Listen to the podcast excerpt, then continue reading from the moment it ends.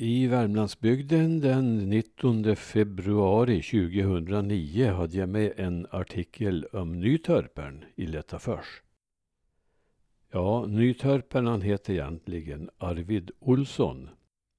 Men om man skulle fråga ätten då skulle man nog säga Nytörpern för då visste alla vem det var. Han vart mer eller mindre legendarisk här uppe i norra Värmland. En arbetskapacitet nästan utan motstycke kan man säga. Höll igång långt upp i åra och hjälpsam, ställde upp där det behövdes.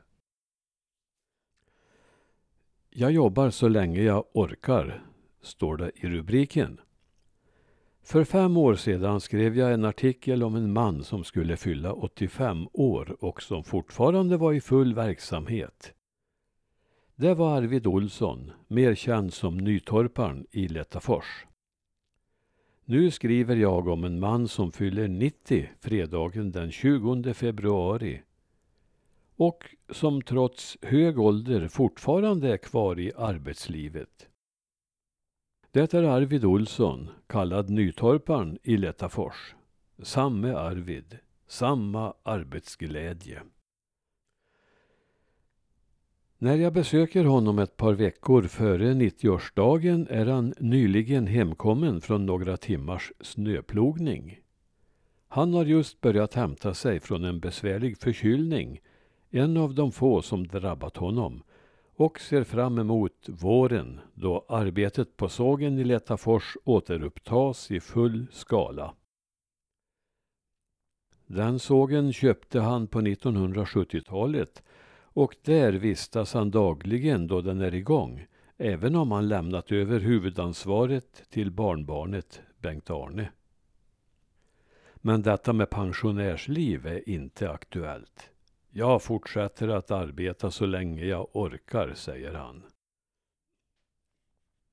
Arbetet har präglat Arvids liv och han har sedan ungdomen utvecklat en entreprenörsanda som är alltför sällsynt i den norra länsdelen.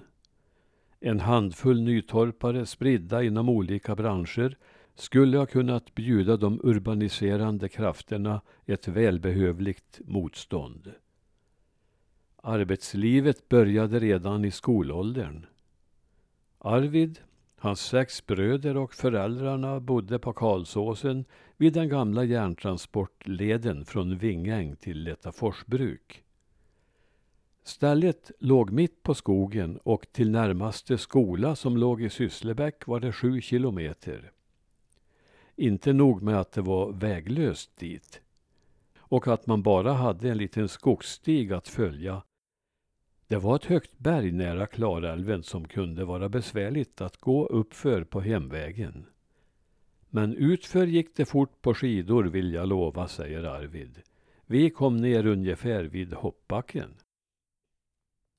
Det blev långa skoldagar och vid tolv års ålder började han också göra arbetspass i skogen efter skoldagens slut. När det blev mörkt arbetade han i skenet av en fotogenlampa. Som arbetskamrat hade han sin två år yngre bror Melker. Ett par år senare började han köra timmer med häst och som 17-åring låg han i en skogskoja hela vintern. Varannan helg var han hem men var kvar i skogen varannan. Och inte blev det långsamt att tillbringa en helg i skogen. Nej då, säger Arvid, då jobbade jag för fullt. Efter en sejour som rallare och fyra månader på Huskvarnafabrikerna var Arvid tillbaka i norra Värmlands skogar. Då kom kriget och han blev inkallad till Skövde. Av någon anledning skickades alla inkallade hem och Arvid fick göra nytta för fosterlandet på ett annat sätt.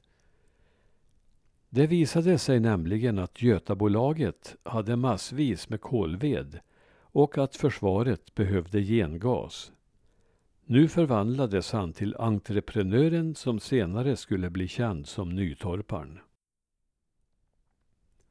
Han satte igång kolning i stor skala 42 milor kolade han i Gammelängsberget.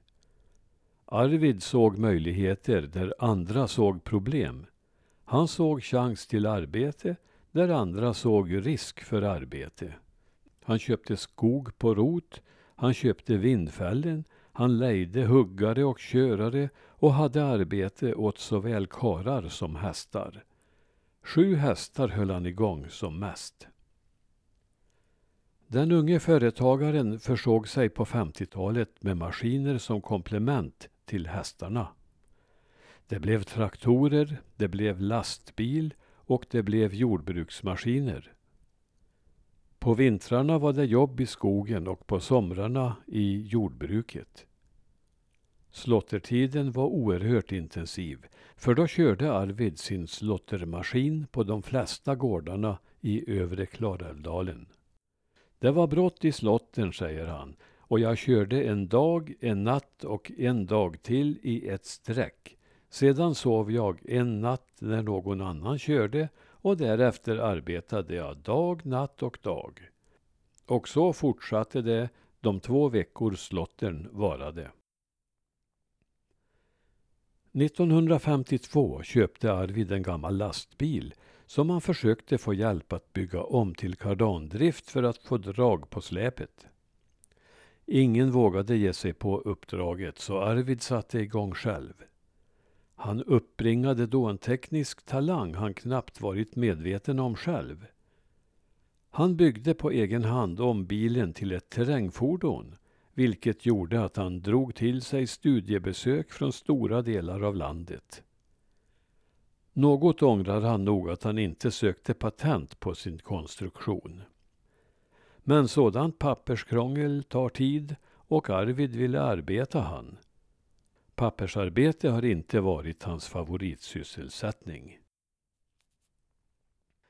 Men när blev han nytorparn, kanske ni undrar? Jo, 1943 lämnade han Karlsåsen och hyrde Koltorp nära Letafors av Götabolaget som senare köptes upp av Uddeholm.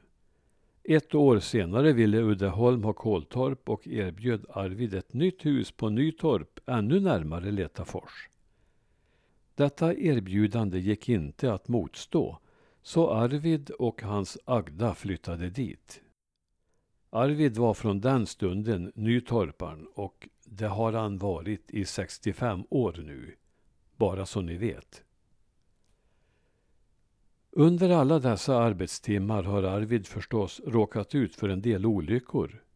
Direkt rädd om sig själv har han inte varit. Då och då har han setts med gips eller kryckor, men fortfarande i full verksamhet. En gång höll han på att hyvla av sig armen och var tvungen att uppsöka läkare. Det bar till lasarettet i Örebro där han opererades. Efter operationen fick han åka hem och vila över helgen mot löfte att absolut infinna sig på måndag morgon. Detta lovade Arvid och åkte hem till Nytorp. Väl hemma upptäckte han att vägarna snöat igen under hans bortavaro och det var han som skulle sköta plogningen. Han ringde runt och jagade ersättare men ingen gick att få tag på. Då fick Agda hjälpa mig att knyta upp armen med två handdukar och så plogade jag halva natten, berättar han. Jag hann precis i tid tillbaka till sjukhuset på måndag morgon men doktorn skakade på huvudet. Hon förstod nog att jag hade gjort lite mer än vad hon hade tänkt.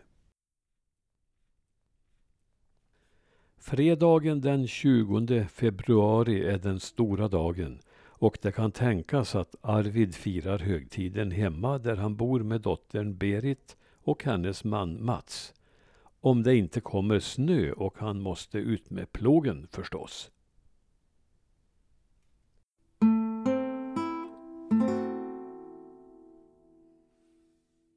När detta läses in nu 2020 är ju Arvid borta sedan flera år tillbaka.